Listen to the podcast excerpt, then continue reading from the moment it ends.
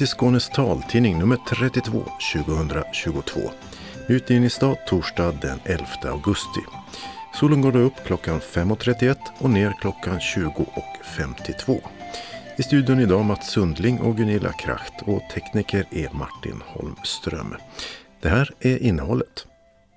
Världscupbrons till tandemcyklisten Louise Jannering. Ett glädjande besked inför VM. Och SM-guld i längdhopp och sprint till Tobias Jonsson som är tillbaka efter en tuff tid. Gör bedömningarna i färdtjänsten mer välvilliga och ger vårdpersonalen skobidrag. Det säger Sverigedemokraten Marlene Ottesen i vår serie inför regionvalet. Orolig för att bada?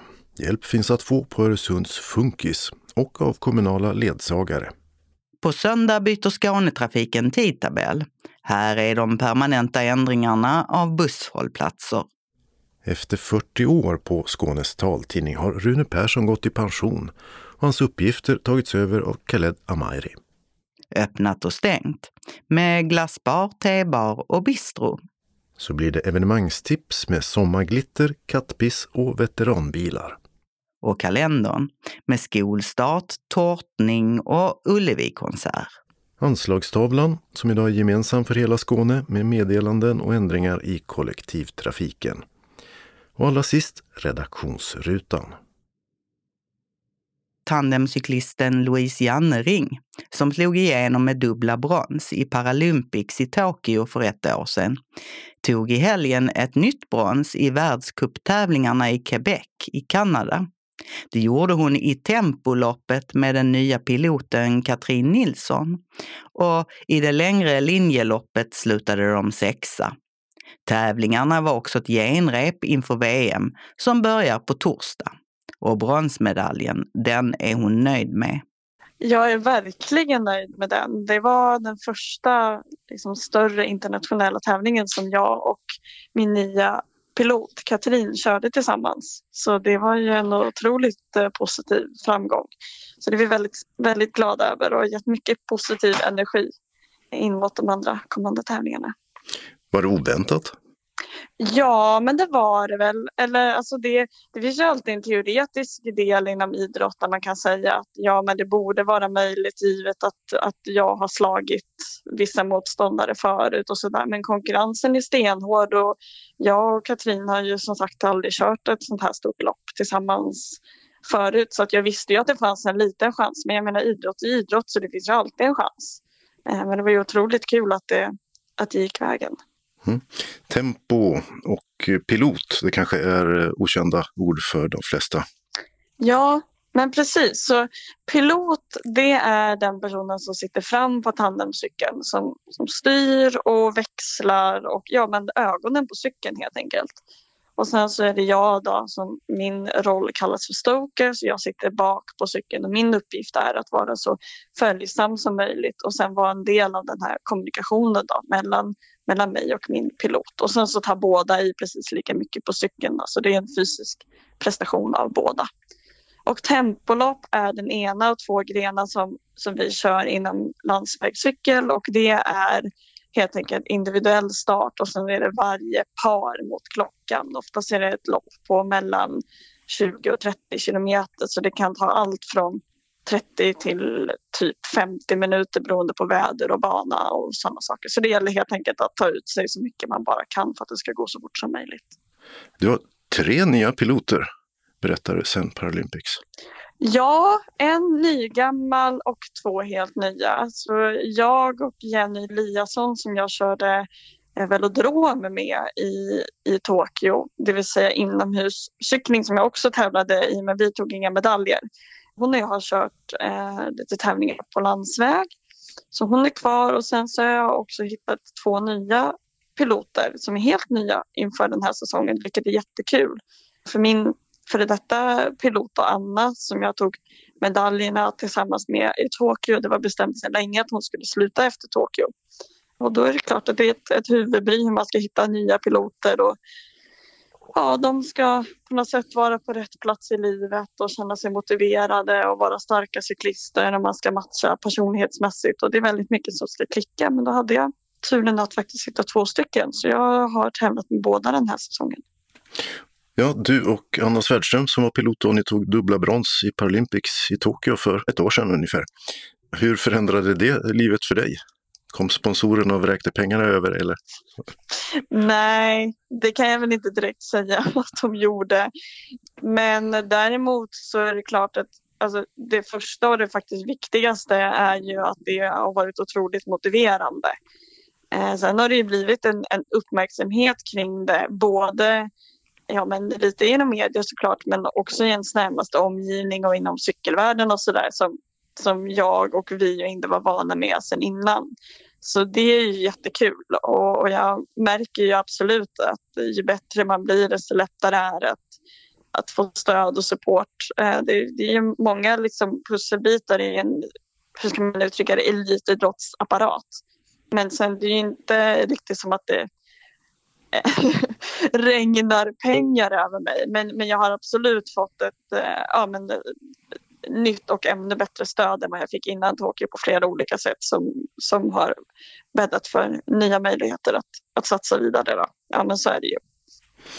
Och så tävlade ni också i linjeloppet och det var åtta mil långt.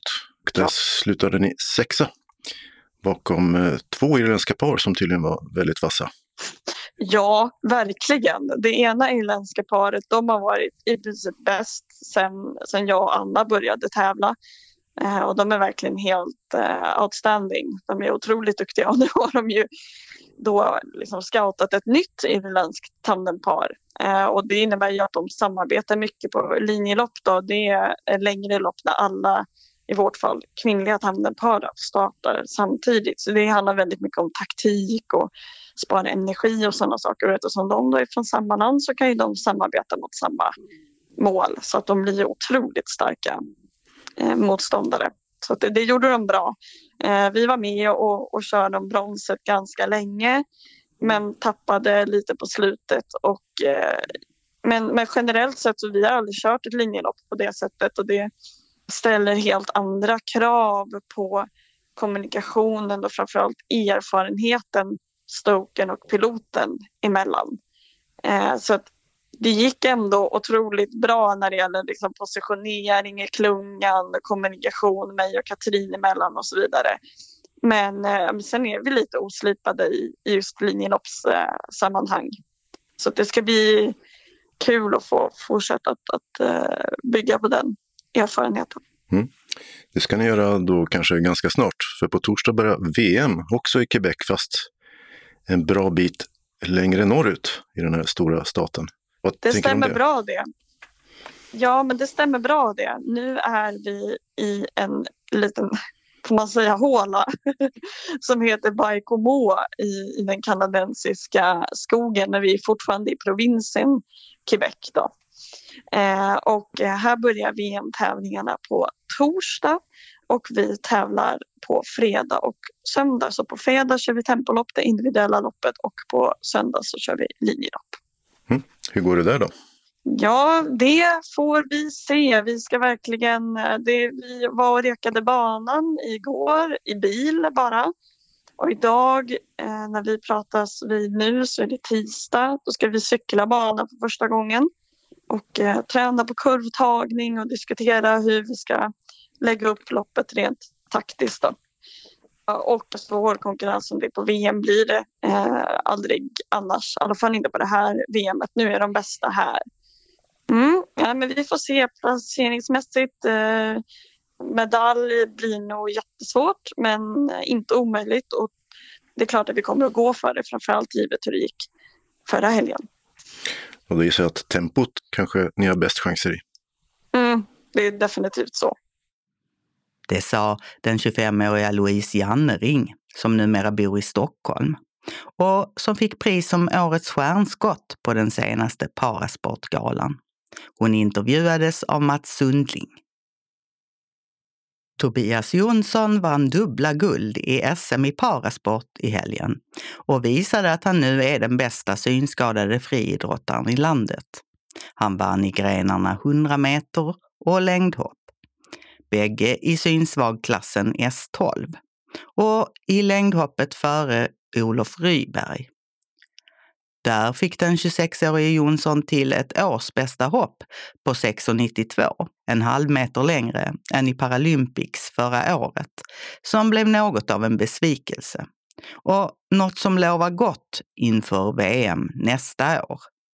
Jag är jättenöjd. Det var länge sedan jag var uppe på 6,90 bara det. Så 6,92 det, det är inte fiskan för mig. Så det är skönt att hoppa upp på de längderna igen. Så det var riktigt kul. Bara fem centimeter från personbästa. Vad är det som har ja. fått dig att hoppa så långt nu? Ja, men det är väl att jag har fått en bra utveckling från min nya tränare i, från hösten, vintern och våren. Så har jag känt på mig något att kunde bli riktigt bra i sommar, men när det skulle smälla så det visste jag inte riktigt. Men det gjorde ju på viktigaste tävlingsdagen. Så det var skönt att, att man kan prestera ändå igen på mästerskap på hemmaplan. Det var ett längre hopp än du fick till i Paralympics i Tokyo för ett år sedan och där slutade du sjua. Precis. Ja, nej, det, den tävlingen försöker jag väl med sig glömma och jag var ju väldigt besviken från den tävlingen och hade jag blivit på den placeringen med det här resultatet då hade jag ändå varit nöjd.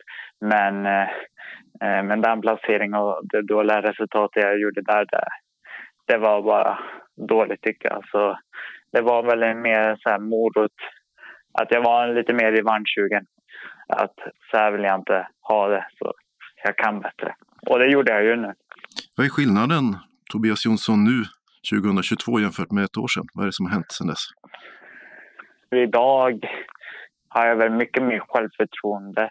Jag har haft tid att släppa mammas eh, bortgång eh, av cancern och fått ta tid att jobba lugn och ro och inte känt den här stressen att jag har kunnat koppla av och eh, njuta lite av träningen också. Det är väl det som gör mig kanske lyckligare kanske idag. Att jag inte stress är ju ingen bra för humöret brukar jag tycka. Så, så jag har haft väldigt bra detta året och det är väl det som gör utbildningen idag. Mm. Ja, du har blivit mer explosiv berättade innan, att du nästan springer för fort före avhoppet. Precis, ja, jag har tendens att inte hinna med ibland när jag hoppar. Ibland kan jag faktiskt få till det, men eh, inte så allt för ofta. Men nu är slutet med de här två tävlingarna i Folksam Grand Prix i Söderhamn och nu i Norrköping, då känns det som att jag har börjat behärska hastigheten. Men det är inte konstigt, jag är ju bättre än någonsin. Jag sätter ju svensk rekord för två veckor sedan på 100 och, och även på 200 meter. Så utvecklingen går, men snabbare vill jag bli också för att kunna hoppa ännu längre.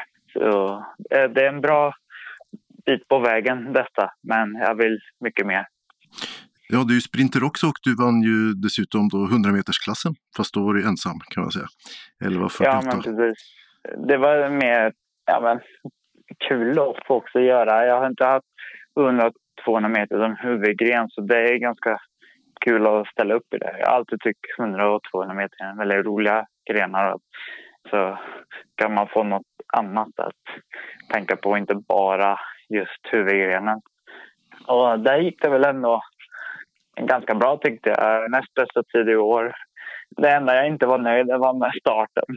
Jag tyckte jag kände mig väldigt steg och långsam. Men just sista 50-40 meter då fick jag upp farten ordentligt. Så jag var väldigt nöjd med maxfarten men jag var inte så nöjd första delen. Jag gav bort i alla fall någon tiondel, kanske två tiondelar av det. Men det är inte konstigt. Jag hade gjort nio hopp dagarna innan. Så man var ganska sliten så, till hundringen. Men eh, det blev ändå bra tid och jag är nöjd med det. Mm. I längdhoppet så hade du en konkurrent, fyra år yngre Olof Ryberg. Han hoppade 6,45, en halv meter kortare än du. Är han där uppe och nafsar i hälarna? Jo, men det tror jag. jag. Jag har en känsla att någon dag så... För han är väldigt jämn faktiskt med de hoppen. När jag mötte honom i Borås och fick jag stryk av honom. Då hade jag en sämre dag, kände jag. Jag hade en riktigt dålig dag, men han var bara bättre än mig. Så det var ju bara att ge honom gratulationen. Han har en bra lägstanivå, så har man en bra lägstanivå så då kan man bara vänta på hans fulla fullträff om man säger. Då kanske han ökar 20-30 centimeter till. Så gärna vara beredd när han svarar. Målet är väl inte att släppa förbi honom fast jag vet att han är hack i häl på mig. Mm. Ja, nu väntar ett nordiskt mästerskap, det första i Bollnäs om ett par veckor. Men sen nästa år väntar någonting mycket större, VM i Frankrike. Och sen är det dessutom då ett Paralympics året efter det. Eh, ja, hur, hur, tänker du om det? Nu till Nordiska mästerskap para, det, det är lite nytt för min del men det är som para-SM och SM överhuvudtaget. Det är samma regler och allting men det här nordiska, det, det kom lite spontant i somras. Man ville vara med och ställa upp det och jag tänkte varför inte? Det var bra för eh, parasport i Sverige att det syns, att det lockar mer aktiva. Så jag tror det är väldigt viktigt. En annan är med och som andra deltagare i Sverige som, som har varit med nu på SM att man är med och visar upp sig. Eh, men eh, vad det blir för resultat och så, det vet jag inte. Jag kan ju som sagt hoppas lika bra som jag gjorde nu i helgen. För formen kommer nog vara kvar där. Jag har inte så mycket förväntningar. Sen blickar vi väl mot vintern, från höst till vinter, våren till eh, nästa sommar som är en väldigt viktig sommar överhuvudtaget.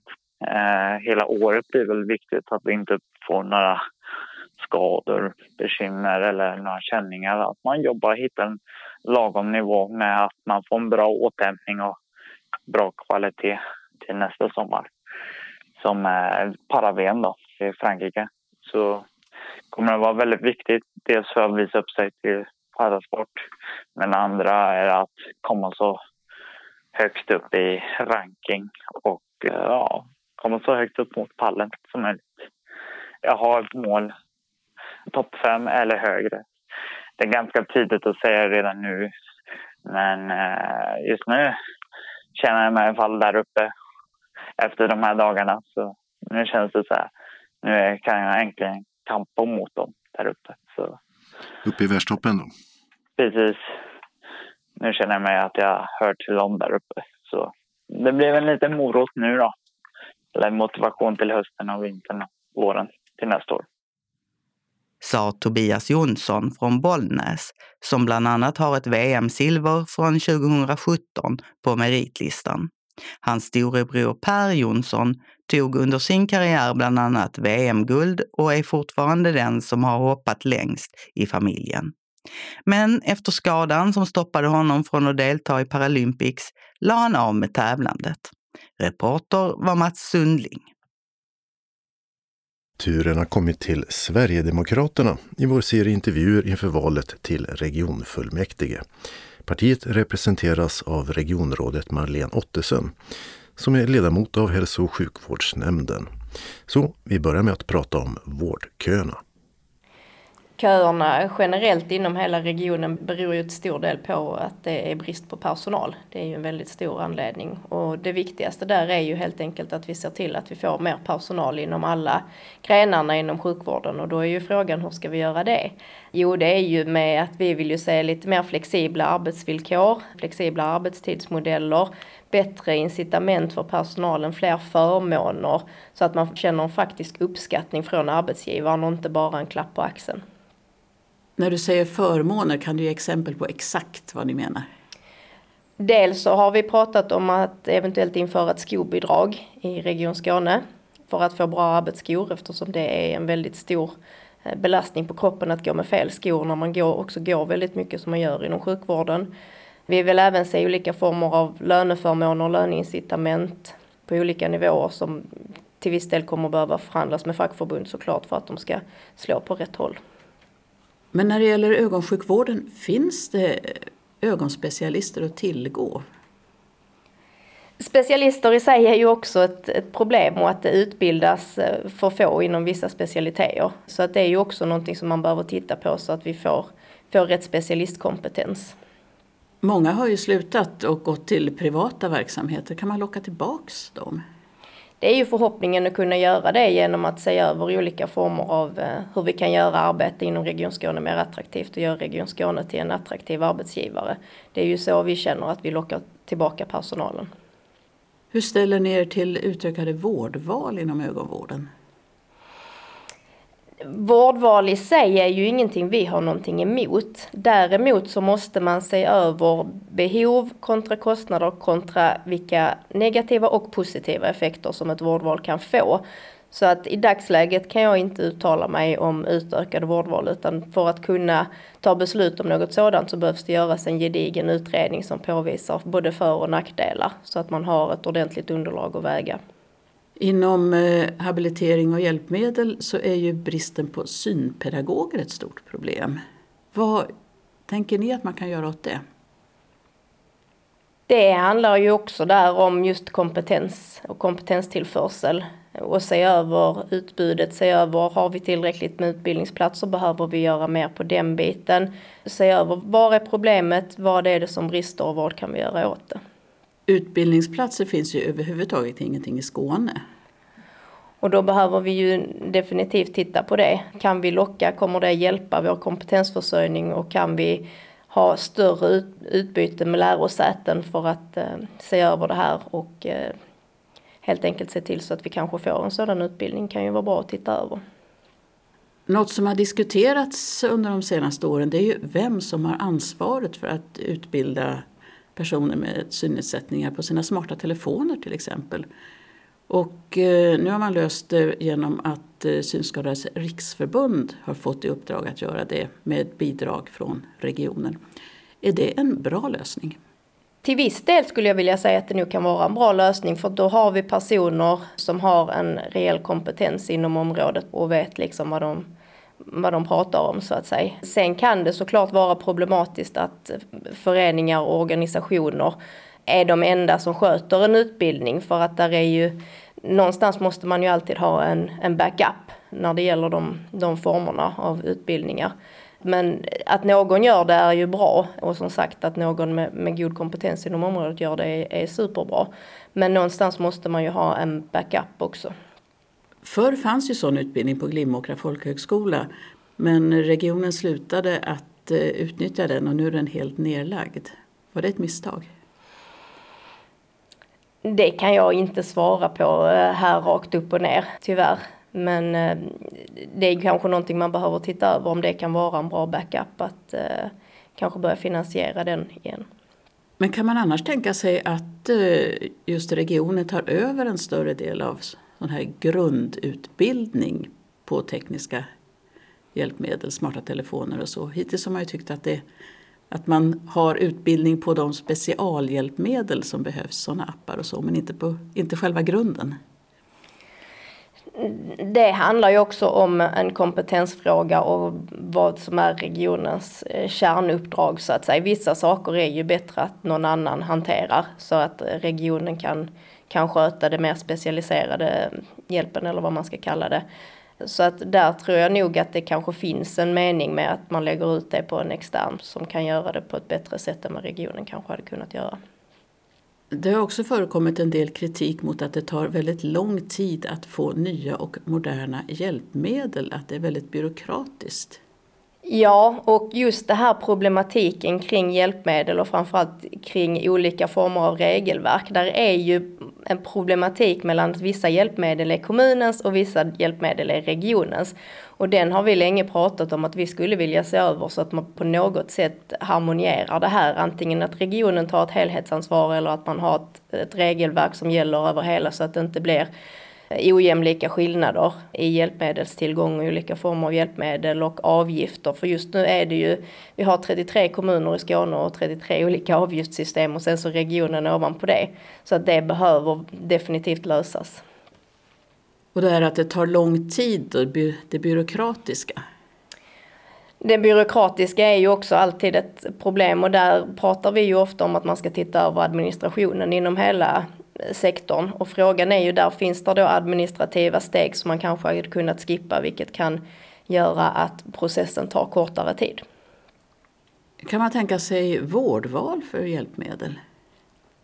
Det kan man ju göra men, men precis som jag sa innan så är det ju svårt att, att säga ja eller nej till något sådant utan att man har gjort en gedigen utredning på, inom området. Men däremot så är vi ju för att man ska ha ett friare val inom hjälpmedel, att det liksom ska vara lite mer fritt. Men ofta är det ju så då att man har gjort stora upphandlingar och så är det de hjälpmedlen som gäller. Ja, så är det ju också. Det är ju en, den andra sidan av myntet så att säga. Så att även här behövs ju, nu känner jag att jag säger utredningar väldigt ofta, men det är ju som så att utan ett gediget underlag så ska ju politiken faktiskt inte fatta beslut för då är risken att det bara blir sämre. Utredningar ja. Häromveckan så gav regeringen Socialstyrelsen i uppdrag att undersöka om det behövs nationella riktlinjer när det gäller just eh, hjälpmedel och habilitering. Tycker ni att det behövs? Att staten ska ta ett större ansvar eh, inom hela vårdsektorn ser vi ju som en väg framåt. Eh, med det sagt inte att det ska vara ett statligt huvudmannaskap, det är två vitt skilda saker. Men det kan nog vara en god väg framåt för att då kommer man få den här harmonieringen och inte en ojämlik vård, varken över kommuner eller regioner. Ska den som är gravt synskadad kunna räkna med att få färdtjänst? Vi vill se över färdtjänstreglementet, dels färdtjänstreglementet men även lagstiftningen har vi förstått att den är eh, väldigt luddig och svårtolkad och vi vill göra det lättare att få färdtjänst. På vilket sätt vill ni göra det lättare? Vad, vad är det som är fel idag? Vi vill se mer välvilliga bedömningar och inte så strikta som de är idag. Men vad är färdtjänst då, tycker ni?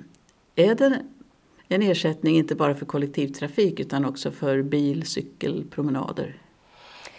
Färdtjänst ska ju vara ett hjälpmedel, ett flexibelt hjälpmedel för den som behöver det. Och där behövs ju flexibilitet i, i systemet. Och huruvida olika trafikslag eller ej ska ingå, det, det har jag inget svar på idag. Men definitivt att det behövs en större flexibilitet och att det inte ska vara så inrutat och att det liksom de här väldigt strikta bedömningarna utan man måste mer se till individens dels individens behov och individens hinder men även individens livssituation i helhet som familj, arbetsliv och dylikt så att man, man gör en mer sammanvägd och välvillig bedömning. Då låter det som att man kan få väldigt olika bedömningar beroende på vem som är huvudman. Att... Ja, eh, där har vi ju också ett sånt här problematik att Region Skåne är huvudman för, jag tror det är majoriteten av Skånes kommuner, jag vågar inte svara på hur många, men sen har vi ju såklart kommuner som sköter färdtjänsten själv det blir ju också den här problematiken att vi kan ha olika regelverk på olika ställen och där kanske man får föra en diskussion med kommunerna om att även om de inte vill köpa färdtjänsten av Region Skåne så kanske man ska ha ett mer övergripande regelverk. Men om det nu ska vara mer flexibelt och så, kan det då inte bli lite mer godtyckliga bedömningar?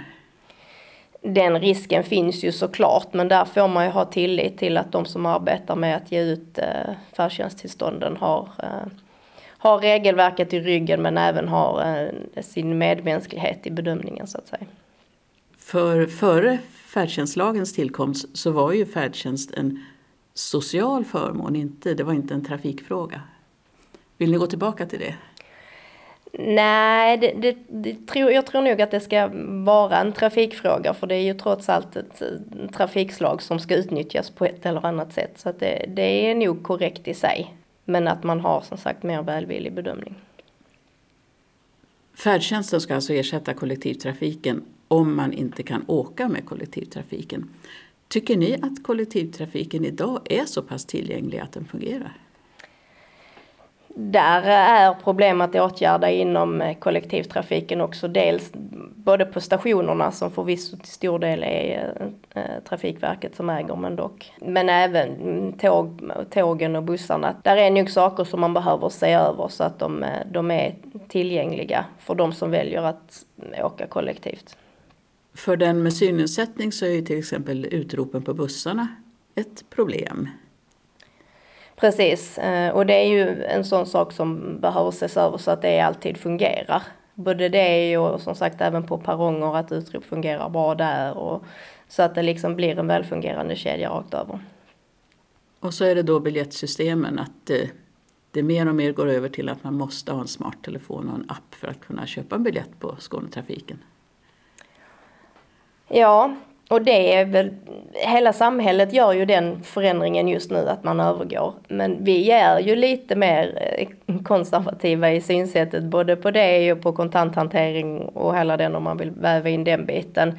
Och någonstans så måste det ju finnas en backup för de som faktiskt inte har den möjligheten. Hur den backupen ska se ut, det, det kan jag inte svara på, men, men där måste ju alltid finnas en, en, en, en fallback för vad händer om, om hela telefonnätet slås ut och man ändå behöver åka kollektivt. Alltså där finns ju många, många bitar att, att ta in i det här. Och då är vi ju tillbaka till det där då, vems ansvar är det att den som har en synnedsättning ska kunna utnyttja systemet? Där blir det ju, eftersom det är Region Skåne som är huvudman för kollektivtrafiken genom Skånetrafiken, så blir det ju Region Skånes ansvar att se till att det fungerar. Och att man lär sig att hantera telefonen? Ja, då kommer vi faktiskt tillbaka till den, så att ja, jo, det blir det ju faktiskt. Men som sagt, även om det är Region Skånes ansvar så kan man ju fortfarande ha det på en extern eh, part.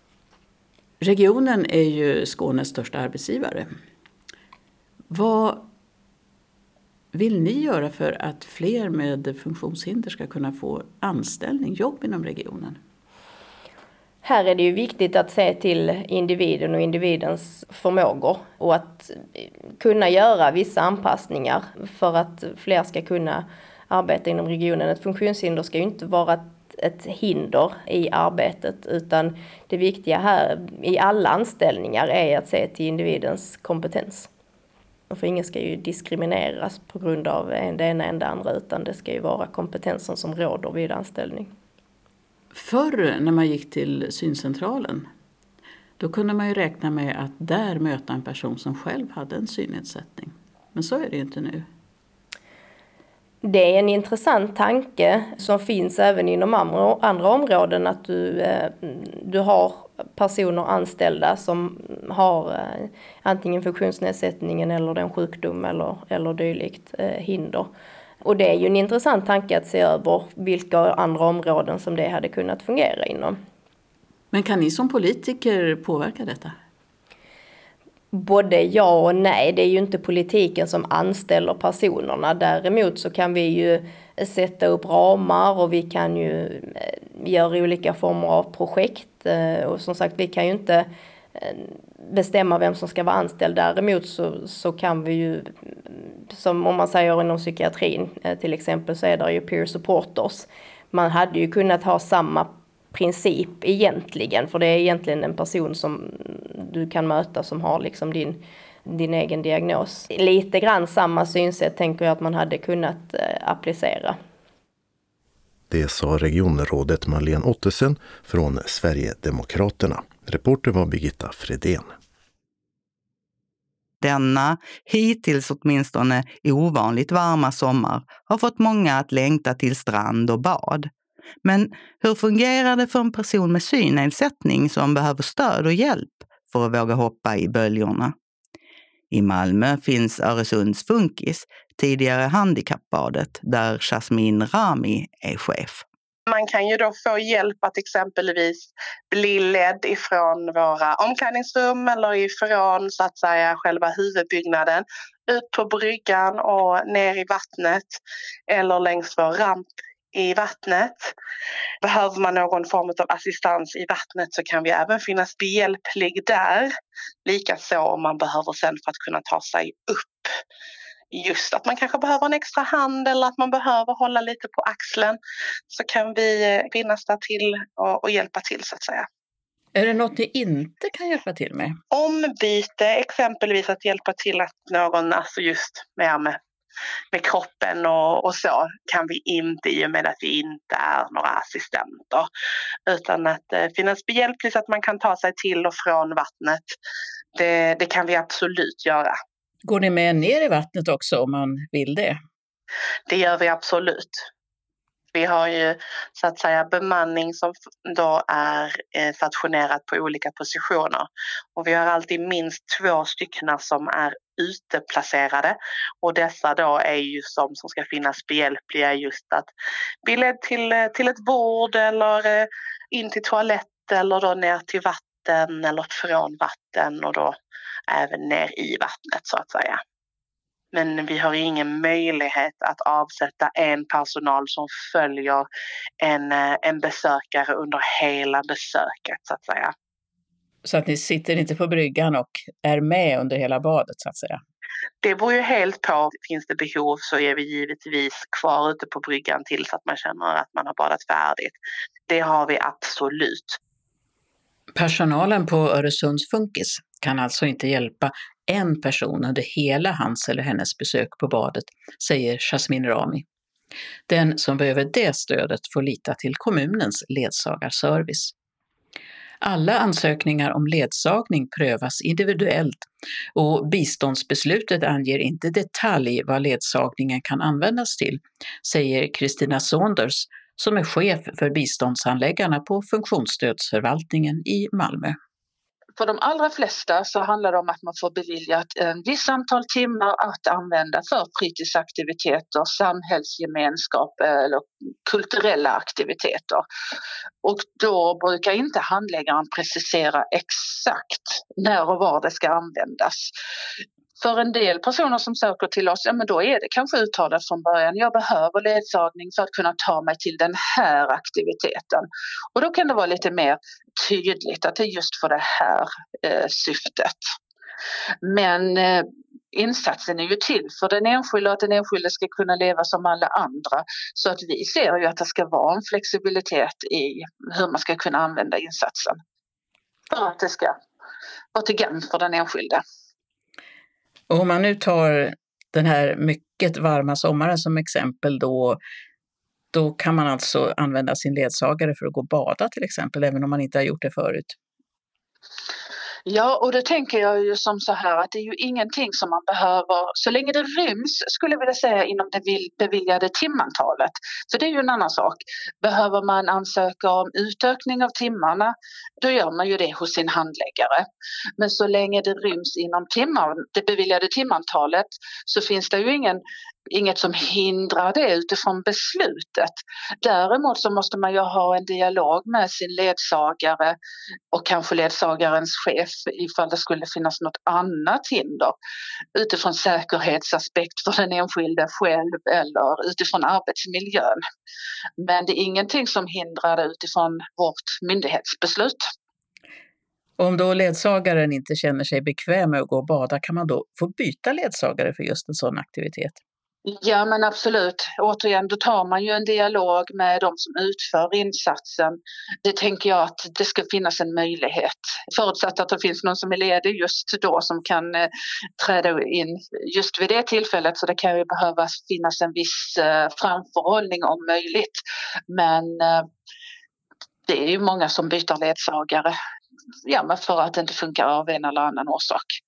Så det hade jag rått vederbörande i så fall till att eh, ja, men ta upp det med de som utför din insats. Och man kan alltid ringa till sin biståndshandläggare också om man behöver hjälp i att dra i en sån här fråga och säga att det funkar inte riktigt, jag får inte mina behov tillgodosedda. Och så får biståndshandläggaren också hjälpa till med kontakten till de som ska utföra det.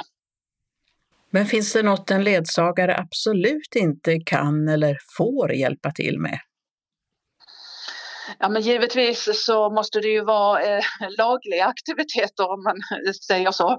Så eh, ledsagaren kan ju aldrig bidra till någonting som ligger utanför lagens arm så att säga. Men eh, för övrigt så eh, så handlar det ju om att eh, det ska vara en trygg och säker aktivitet utifrån både arbetsmiljön och för den enskilde. Lite som vi var inne på innan med badstranden här. Och sen är det ju tänkt att ledsagaren ska ju utföra insatsen utanför hemmet. Annars kan jag inte se någonting på rak arm som inte ledsagaren skulle kunna göra så länge det ligger inom ramen för uppdraget. Du pratar lite om riskbedömningar och sådär. Ja, nej, men jag, jag syftar ju just på det att det ska vara tryggt både för den som utför uppdraget och den som eh, får hjälpen. Och där kan det behövas en riskbedömning, absolut. Det kan ju vara som så att det behövs två personer som utför just det momentet. Och då finns det möjlighet till det också. Så eh, det begränsar inte beslutet. Utan eh, då blir det ju en fråga för verkställigheten. Att just för, vid en badaktivitet för att det ska vara säkert och tryggt för alla så kan det behövas två personal till exempel. Sa Kristina Saunders, chef för biståndshandläggarna på funktionsstödsförvaltningen i Malmö. Vi hörde också Jasmin Rami, chef på Öresunds Funkis. Reporter var Birgitta Fredén. Nu på söndag den 14 augusti har Skånetrafiken tidtabellskifte. Och det betyder som vanligt några permanenta ändringar i trafiken. Här är hållplatsförändringarna som gäller busstrafiken och då först regionbussarna. Linje 150 får en ny hållplats kallad Bara Väster. Linje 307 kommer att köra via Surbrunnsvägen i Ystad igen. Och det betyder att man kan resa från hållplatserna Erik Dahlbergsgatan, Kapellgatan, Norra promenaden, Gosselmansgatan och hållplatsen Stadsbiblioteket. Men inte längre från hållplatsen Klintehusgatan. Också Skåneexpressen nummer 4 kommer att köra på samma Surbrunnsväg. Och det betyder att det går att resa med den från hållplatserna Gamla vattentornet och Stadsbiblioteket, men inte längre från hållplatsen Arenan. Linje 445 får en ny hållplats kallad Friluftsvägen som ligger vid ICA Supermarket. Där stannar den bara i ena riktningen mot hållplatsen Pumpvägen vid City Gross. Linje 523 och 525 kommer inte längre stanna vid hållplatsen Strandängsskolan i Båstad. Närmsta alternativ blir Busstorget. Och här är några permanenta ändringar för stadsbussarna. Först i Helsingborg. Linje 2 återgår till att köra sin ordinarie väg i Ödåkra igen. Och det går inte längre att resa från hållplatsen Rausvång. Resenärerna hänvisas till Miklagårdsgatan som ligger cirka 240 meter bort. Linje 4 påverkas av ett arbete på Filbarnavägen och hållplatsen Åstorpsgatan dras in. Hållplatsen Merivägen ligger närmast till som alternativ, cirka 300 meter bort.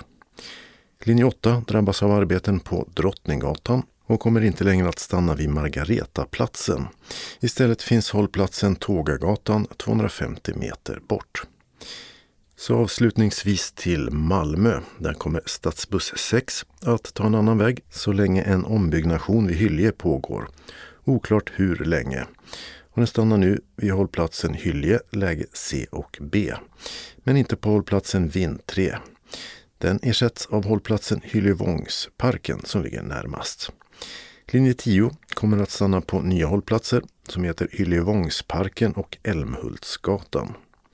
Och till hösten startar den nya linje 47 som går mellan Malmö C och Limhamn, Stranden, under rusningstid. Den ska gå parallellt med linje 7 fram till hållplatsen Valborgsgatan. Men kör sen till hållplatsen Stranden istället för till ön. Tidtabellerna ändras förstås också och de finns numera främst på Skånetrafikens sajt och i deras app. Men de går också att få hemskickat som A4-papper.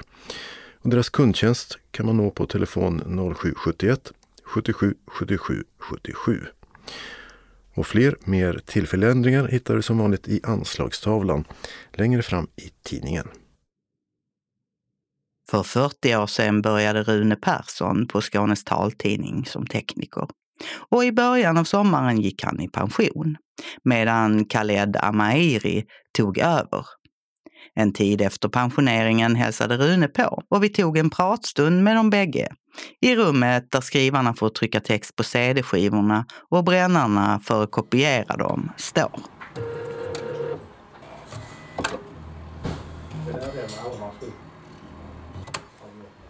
Ja, det har gått bra. Det blir lite andra rutiner än när man gick upp klockan tio över fem de dagar man skulle vara här. Det gör man inte nu. Nu får det räcka med klockan sju, kvart över sju. Så, och det blir alla dagar så tar jag min hundrunda med hunden Gunnar och, och så. Sen brukar Britt fixa frukost till vi kommer in och ja, det är lite andra rutiner på morgnarna.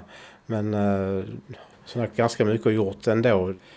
Kulturafton i SRF bland annat. Det var ett styrelsemöte där inne och har haft lite bjudningar annars hemma. Just nu har det inte känts alls tomt och har gått att fylla med andra saker så att eh, det har gått bra.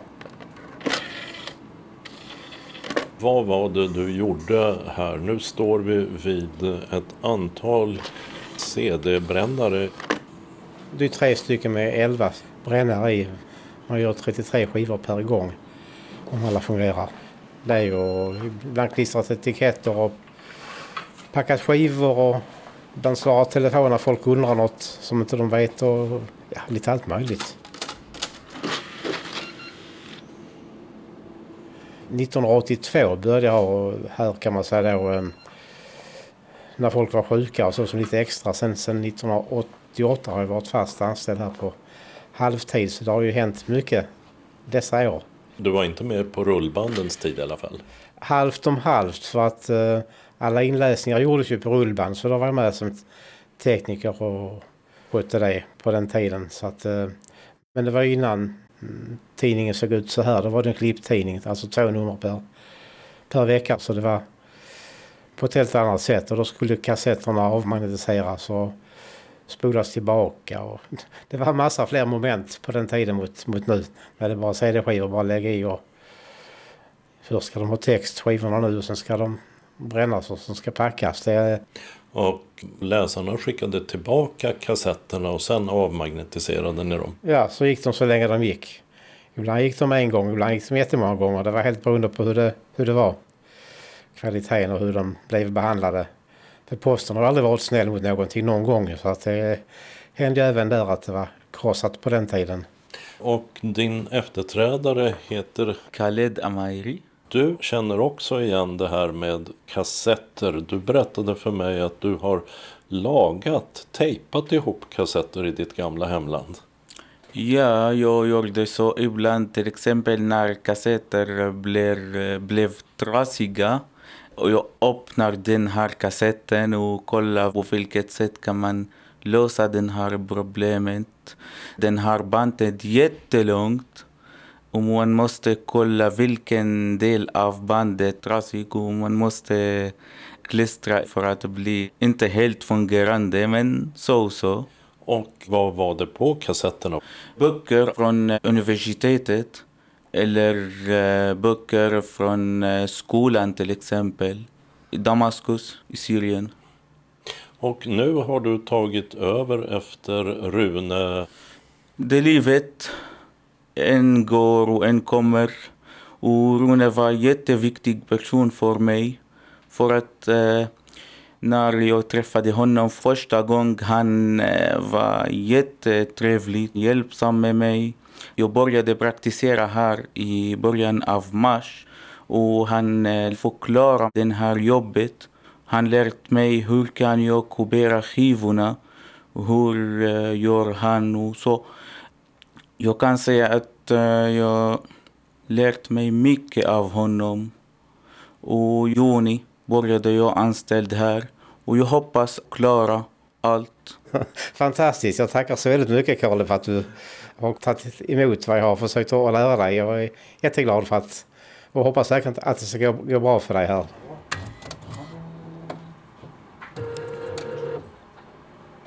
Ja, det är bra.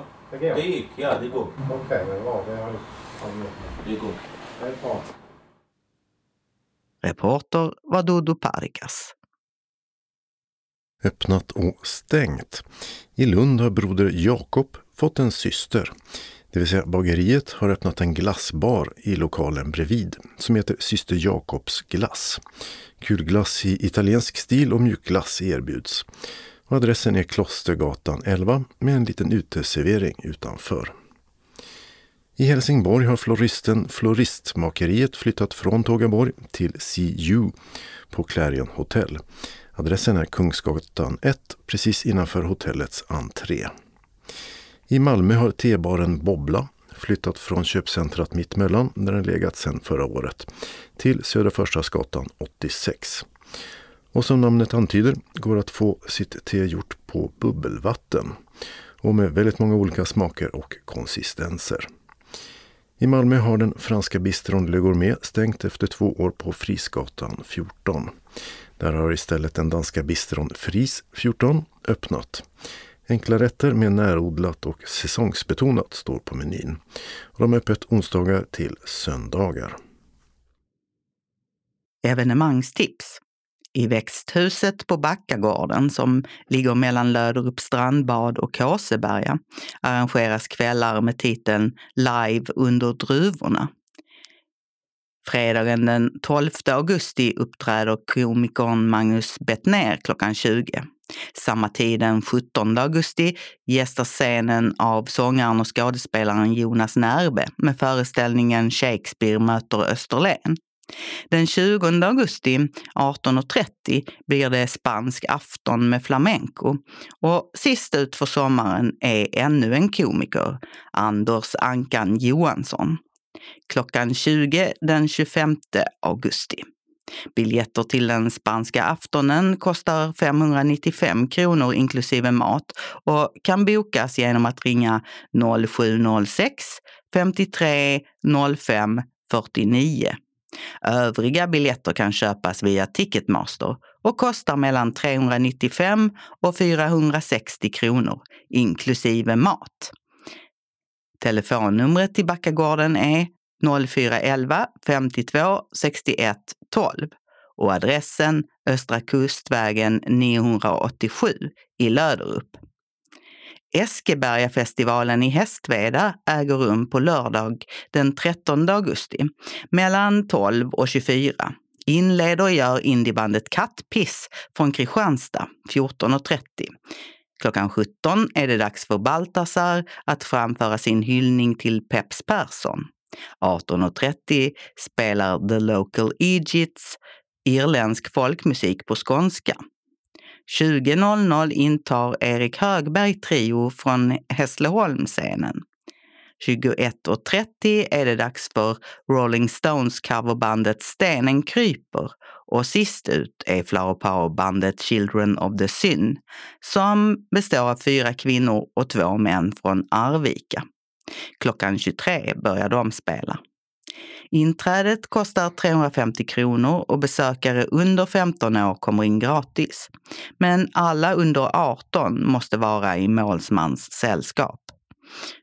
Biljetter kan köpas på plats eller förbeställas via e-post till hakan.bygdo hotmail.com. Till denna adress går det också att skriva för att ställa frågor och få vägbeskrivning. I Hembygdsparken i Ängelholm blir det sommarglitter söndagen den 14 augusti klockan 19 med livemusik, allsång, show och artister. Anna Dror från Teater Sann och Jessica Yngvesson arrangerar och biljetter från 180 kronor säljs av Nortic. Helgarps församling arrangerar en festival i Asmuntorps kyrka. Söndagen den 14 augusti spelar folkrockbandet West of Eden musik av Evert Taube. Tisdagen den 16 blir det jazz med tolvan Big Band och torsdagen den 18 augusti konsert med operasångaren Rickard Söderberg, Over the Rainbow. Alla dagar klockan 19 och det är fri entré. I den gamla spritfabriken Spritan i Ödåkra i Helsingborg blir det jazzfestival den 19 till 20 augusti. Den norske saxofonisten Petter Vettre uppträder klockan 14 på fredagen och på lördagen 16.10. Den sicilianske dragspelsvirtuosen Roberto Gervasi spelar 19.30 på fredagen och på lördagen klockan 14. Festivalen gästas även av gitarristen Dave Blenkhorn från Australien som har en kvintett tillsammans med den amerikanske pianisten David Torkanowski som spelar 21.45 på fredagen och klockan 15 på lördagen. På lördagen uppträder även svenska Iris Bergkrans trio klockan 19.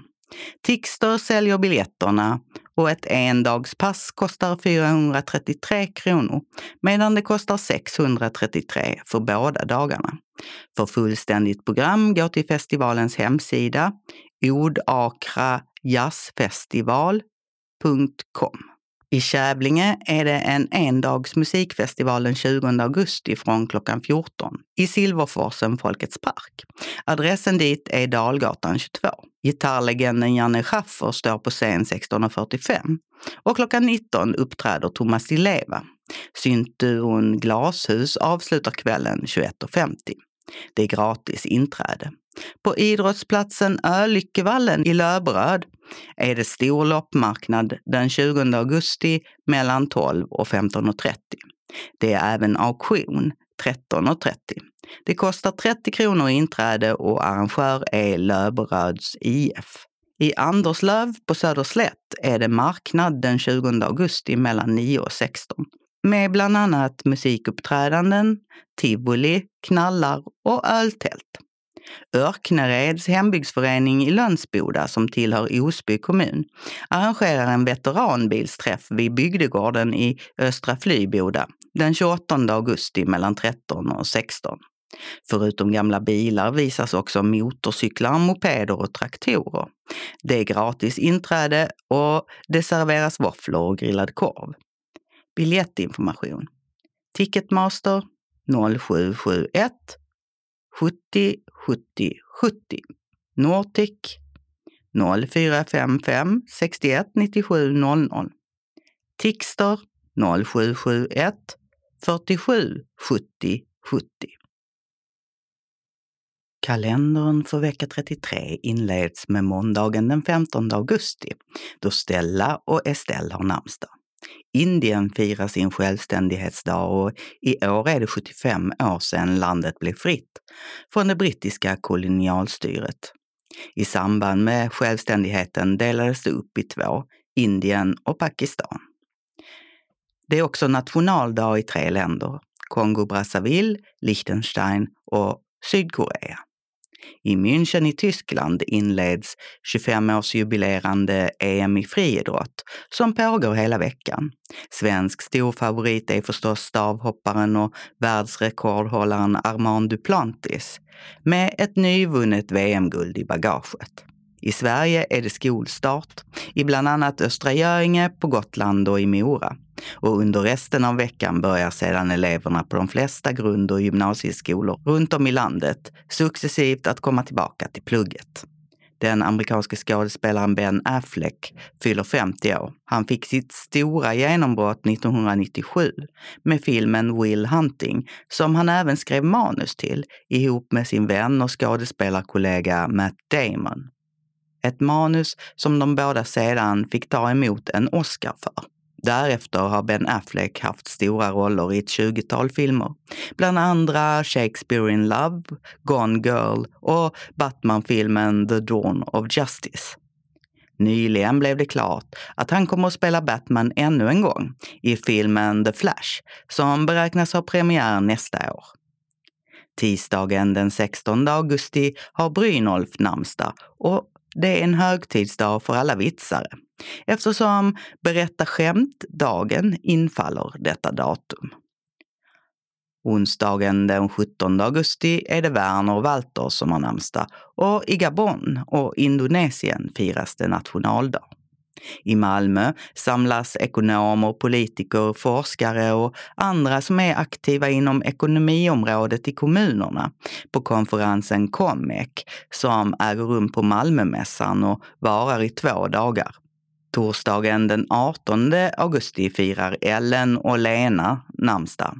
Den socialdemokratiske politikern Bosse Ringholm fyller 80 år. Om han kommer att bjuda på tårta eller ej är inte känt, men däremot är han själv känd, bland annat för att han tillhör den skara svenska politiker som utsatts för så kallad tårtning. Händelsen då en okänd person kom fram och kastade tårta på honom inträffade 2001 i samband med att han i egenskap av dåvarande finansminister skulle presentera regeringens budget. Bosse Ringholm var finansminister från 1999 till 2004 och han var även vice statsminister under några månader 2006. Hans senaste politiska uppdrag var som suppleant i riksbanksfullmäktige mellan 2010 och 2014.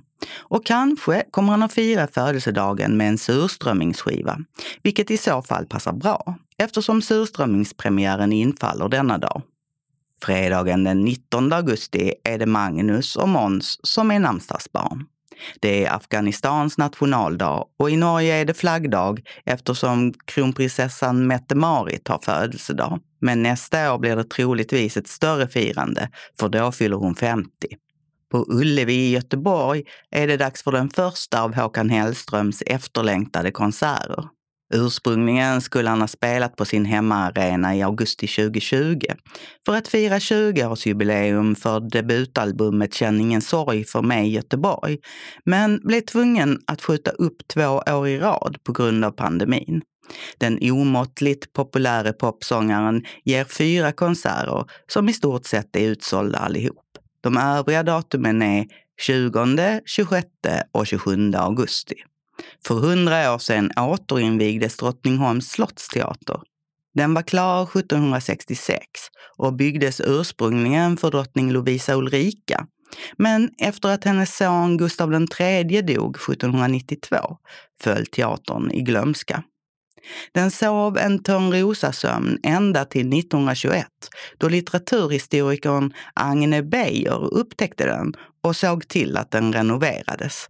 Numera tillhör den världsarvet Drottningholm och är unik så tillvida att det är den enda 1700-talsteatern i världen som fortfarande regelbundet använder originalmaskineriet. Varje år mellan maj och september framförs olika föreställningar där. Och just nu står Antonio Vivaldis opera Il Giustino på repertoaren. Lördagen den 20 augusti är det Bernhards och Bernts namnsdag och det är Ungerns nationaldag. Det är hundra år sedan den första separata olympiaden för damer hölls. Den ägde rum i Paris och idrottare från fem länder deltog. Dessa olympiska spel för enbart kvinnor fortsatte sedan att hållas fram till 1934. De samkönade olympiaderna har dock länge fortsatt vara dominerade av män. Och när sommar-OS hölls i London 2012 var det första gången alla deltagande länder hade både kvinnor och män i truppen. Ett idrottsevenemang som är öppet för alla är cykelloppet Ringsjön runt. Den som vill vara med kan välja mellan att cykla 3,5, 6,5 eller 12,5 mil runt Ringsjön, mitt i Skåne i Höörs kommun. Loppet har varit inställt på grund av pandemin två år i rad, men körs nu för 54 gången.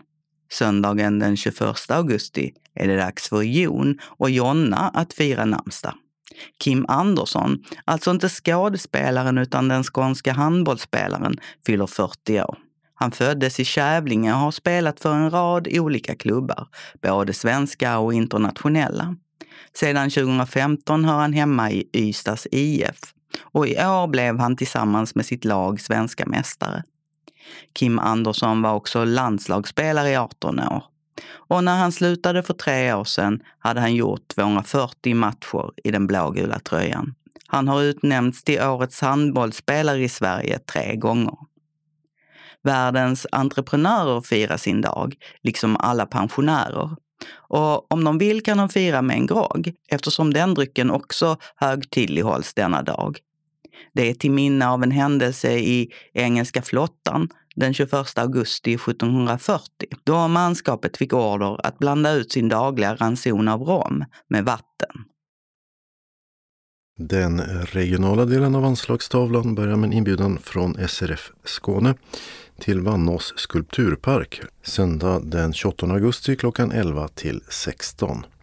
I år möts vi av nya utställare men stöter även på gamla bekanta som vi sett innan. Vanås var en spännande borg från 1400-talet som blev gods och slott.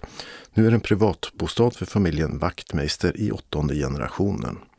Och Vanås konst är en skulpturpark och ett centrum för konst och lärande som drivs av en ideell stiftelse. Konst visas i bokskogen vid parken och i utställningshallar. Och i landskapet finns ett 70-tal konstverk skapade särskilt för platsen. Programmet Klockan 11.30 blir det guidad visning i Skulpturparken. Och 13.15 lunch med linssoppa med kaffe, te eller ett glas must. Har du allergi eller specialkost? Även om du inte har det så skriv med det i anmälan. Efter lunchen har du egen tid till att fortsätta strosa bland skulpturerna i parken, titta närmare på konsten i konsthallarna, besöka shoppen och ta en fika i restaurangen innan din bil kommer. Har du rörelse eller hörselsvårigheter eller behov av ledsagning?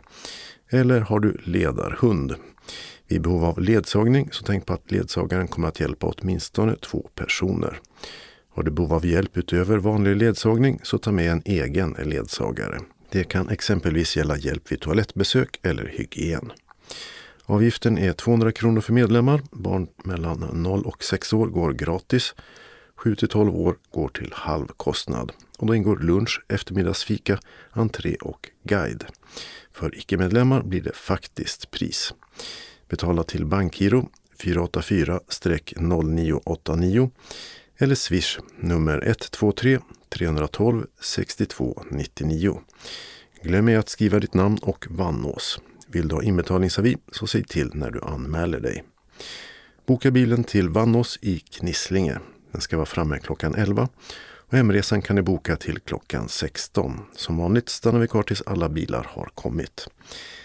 SRF Skåne står för reskostnaderna efter att kvitton inkommit senast tre månader efteråt samt endast inom Skåne. Bor du utanför betalar vi bara för kostnaden från länsgränsen. Anmälan sker till SRF Skåne på telefon 040-777 75 eller via e-post till skane srf.nu senast den 19 augusti. Bekräftelse och deltagarförteckning skickas ut efter sista anmälningsdagen. Välkomna önskar SRF Skåne och arbetsgruppen Kultur. SRF Ängelholm Båstad bjuder in till turfiske på Öresund och alla SRF-medlemmar i Skåne är välkomna. Den 22 september klockan 13 styr turfiskebåten MS Linda ut från Nyhamn i Landskrona ut mot djuphålorna vid Ven. Två extra matroser tar hand om oss och bytena, rensar och filerar dem åt oss. Vi börjar med lunch med varmrökt lax och potatissallad. Bindande anmälan och betalning sker till Marianne Jönsson i SRF Ängelholm Båstad. E-post Marianne Jonsson 95 snabela gmail.com eller telefon 070-710 45 79 senast den 5 september klockan 12. Kostnaden är 250 kronor och havsfiskeutrustning ingår. Betalning sker till Bankgiro 5972-8915 eller Swish 123 130 72 14. Distriktet betalar resan för alla medlemmar utanför Ängelholm Båstad till Nyhamn i Landskrona. För Ängelholm Båstads medlemmar betalar vi själv reskostnaden. Turfiskebåten är chartrad och endast SRF-medlemmar och ledsagare får åka med. Ange om du behöver ledsagare. Egen ledsagare betalar samma pris som medlem. Och mer information kan man få av aktivitetsansvarig Jan-Olof Asp på 070-554 36 28 eller via e-post till jan-olof.asp outlook.com. Varmt välkomna! Den lokala delen av anslagstavlan är idag mycket lokal. Den innehåller bara inbjudningar och meddelanden från SRF Malmö Svedala och så några tillfälliga ändringar i kollektivtrafiken. SRF Malmö Svedala välkomnar först till dagverksamheten som kommit igång igen. Måndag den 15 augusti klockan 13 15 blir det tidningsläsning och eller frågesport och tisdag den 16 augusti klockan 13 till 15.15 15 blir det bingo. Vi serverar kaffe och smörgås eller kaka för 10 kronor.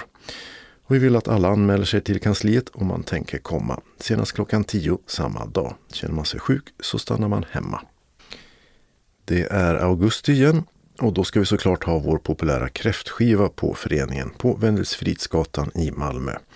Vi träffas fredag den 26 augusti klockan 18 för att knäcka en klo eller två.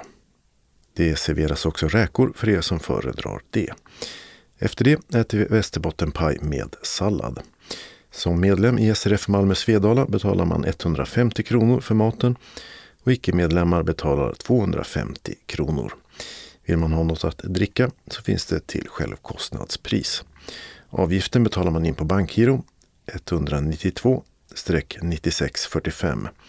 Eller så går det bra att swisha till 123 077 80 50. Senast den 23 augusti. Behöver man inbetalningskort så meddelar kansliet vid anmälan. Färdtjänsthem kan beställas till cirka 21.30. Välkommen med din anmälan senast fredag den 19 augusti till kansliet.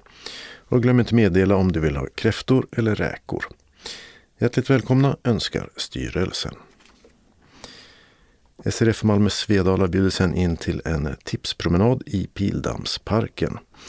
Nu låter det dags att komma ut och röra på oss. Söndag den 28 augusti klockan 13 går vi en tipspromenad i Pildammsparken. Träffas gör vi vid restaurang Blom på Pildammsvägen 17 i Malmö. Där vi delar ut tävlingskuponger. Därefter går vi runt dammarna och in i tallriken en bit och vidare till föreningens lokal. Det är en sträcka på cirka en och en halv kilometer.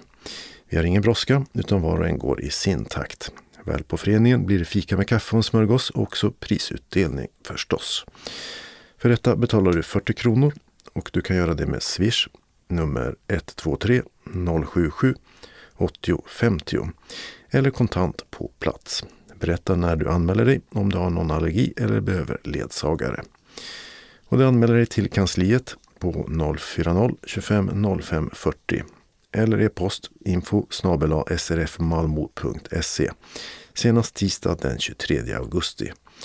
Har du frågor eller behöver avboka när inte kansliet är öppet så kan du ringa till Rolf på telefon 070-547 97 29. Välkommen önskar styrelsen. SRF Malmö Svedala har också en politikerutfrågning. Kom till föreningen på Wendelsfridsgatan 13 i Malmö måndag den 29 augusti klockan 18 och lyssna på vad våra kommunala politiker har att säga inför valet. Samtliga partier som sitter i kommunfullmäktige är inbjudna. Vi i intressepolitiska gruppen har i förväg ställt några frågor som vi vill ha svar på. Även du får chansen att ställa din egen fråga till politikerna. Vi bjuder på kaffe och kaka och du kan beställa färdtjänst hem till klockan 20.30. Anmäl dig till kansliet senast tisdag den 23 augusti. Välkomna hälsar styrelsen.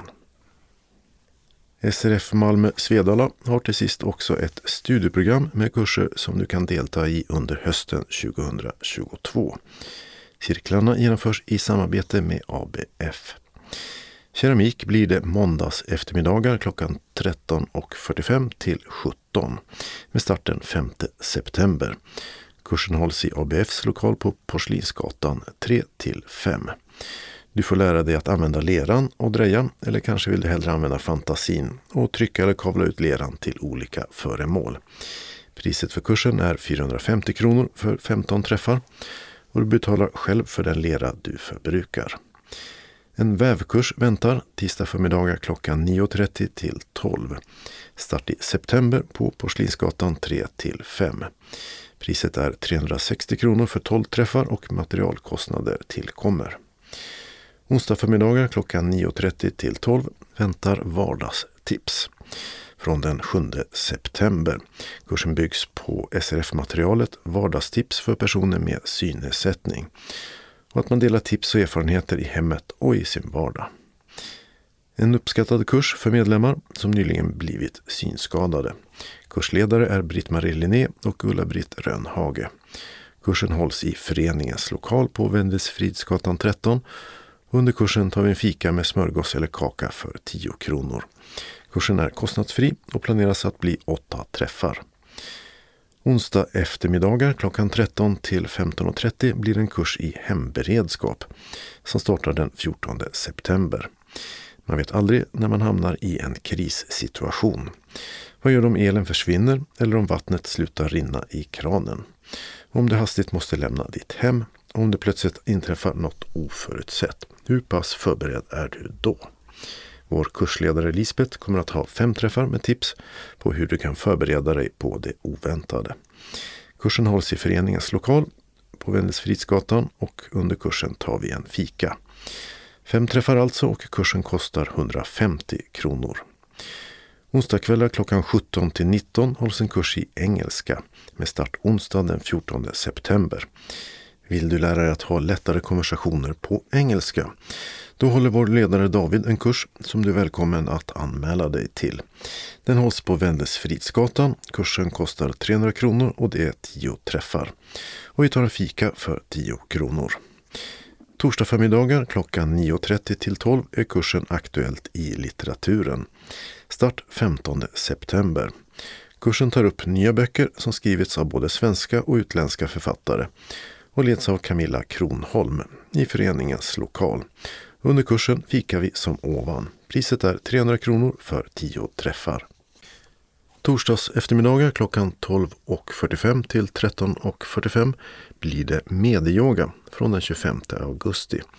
Programmen består bland annat av medveten andningsträning, mjuka fysiska övningar, avslappning och meditation med ledaren Ann Margret.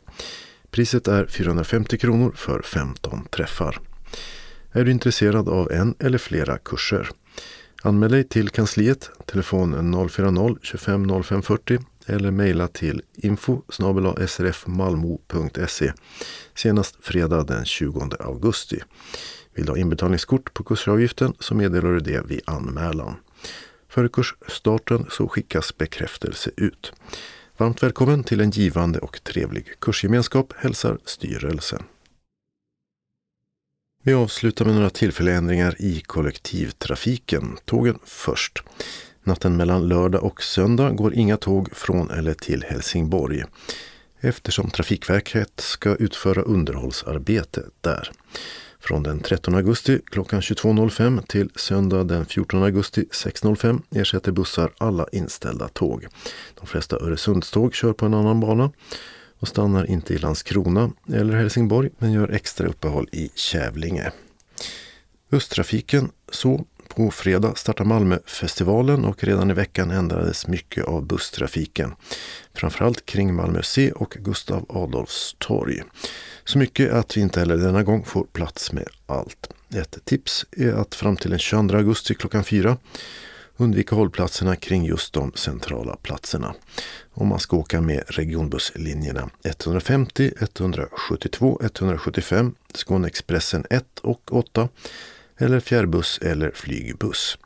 Liksom stadsbuss 2, 4, 8, 10 och 47. Är inte det möjligt så finns Skånetrafikens kundtjänst att nå på telefon 0771 77 77 77. I Skanör bygger man sedan i måndags om hållplatsen Stefan Lövings väg läge A. Och de som åker regionbuss 100 och 300 hänvisas till en tillfällig stolpe cirka 130 meter bakåt bussens färdriktning på Västra Hallörsvägen. Så ska det vara till den 7 oktober klockan 15. I Hör är det marknad i helgen, vilket gör att hållplatserna Mejerigatan och Stenskogsvägen är stängda från den 12 augusti klockan 14 till klockan 22 på söndag den 14. Resande med regionbusslinjerna 444, 445, 469 och 470 liksom NO1, 3, 4, 6 och 7 hänvisas till hållplatserna Hörs station och Gamla torg. För linje 444 däremot dras den senare också in. Och kvar blir då Hörs station. I Ängelholm har man börjat reparera Tegelbruksbron och fram till den 19 augusti klockan 16 får regionbussarna 503, 507, 510 och 511 ta en annan väg. Hållplatsen Rönnehallen är stängd med hänvisning till hållplatsen Rönnegymnasiet, Cirka 500 meter västerut på Östergatan. Stängd är också Bruksgatan Östra och den ersätts av hållplatsen Bruksgatan som ligger 400 meter västerut på Östergatan. I Helsingborg har stadsbuss 7 hållplats Ystadgatan stängt fram till den 16 september klockan 15. Till dess ersätter hållplatsen Grännagatan som ligger 300 meter åt sydost på Sofiebergsvägen. Och till sist i Eslöv har stadsbuss 2 hållplatser Aprikosgatan och Kronovägen läge A stängt lika länge. Hållplatsen Kronovägen läge B ersätter. Och där var det dags att sätta punkt för veckans Skånes taltidning. Nästa nummer nästa torsdag den 18 augusti. Skånes taltidning ges ut av Region Skånes psykiatri och habiliteringsförvaltning. Ansvarig utgivare är Martin Holmström. Postadress Jörgen Ankersgatan 12, 211 45 Malmö. Telefon 040-673 09 70. E-post Skanes taltidning skane.se och hemsida skanestaltidning.se. Observera att CD-skivorna inte ska skickas tillbaka till oss. Såväl skivor som kuvert kan läggas i brännbara sopor när ni inte längre vill ha dem. Vi hörs igen. Hej då!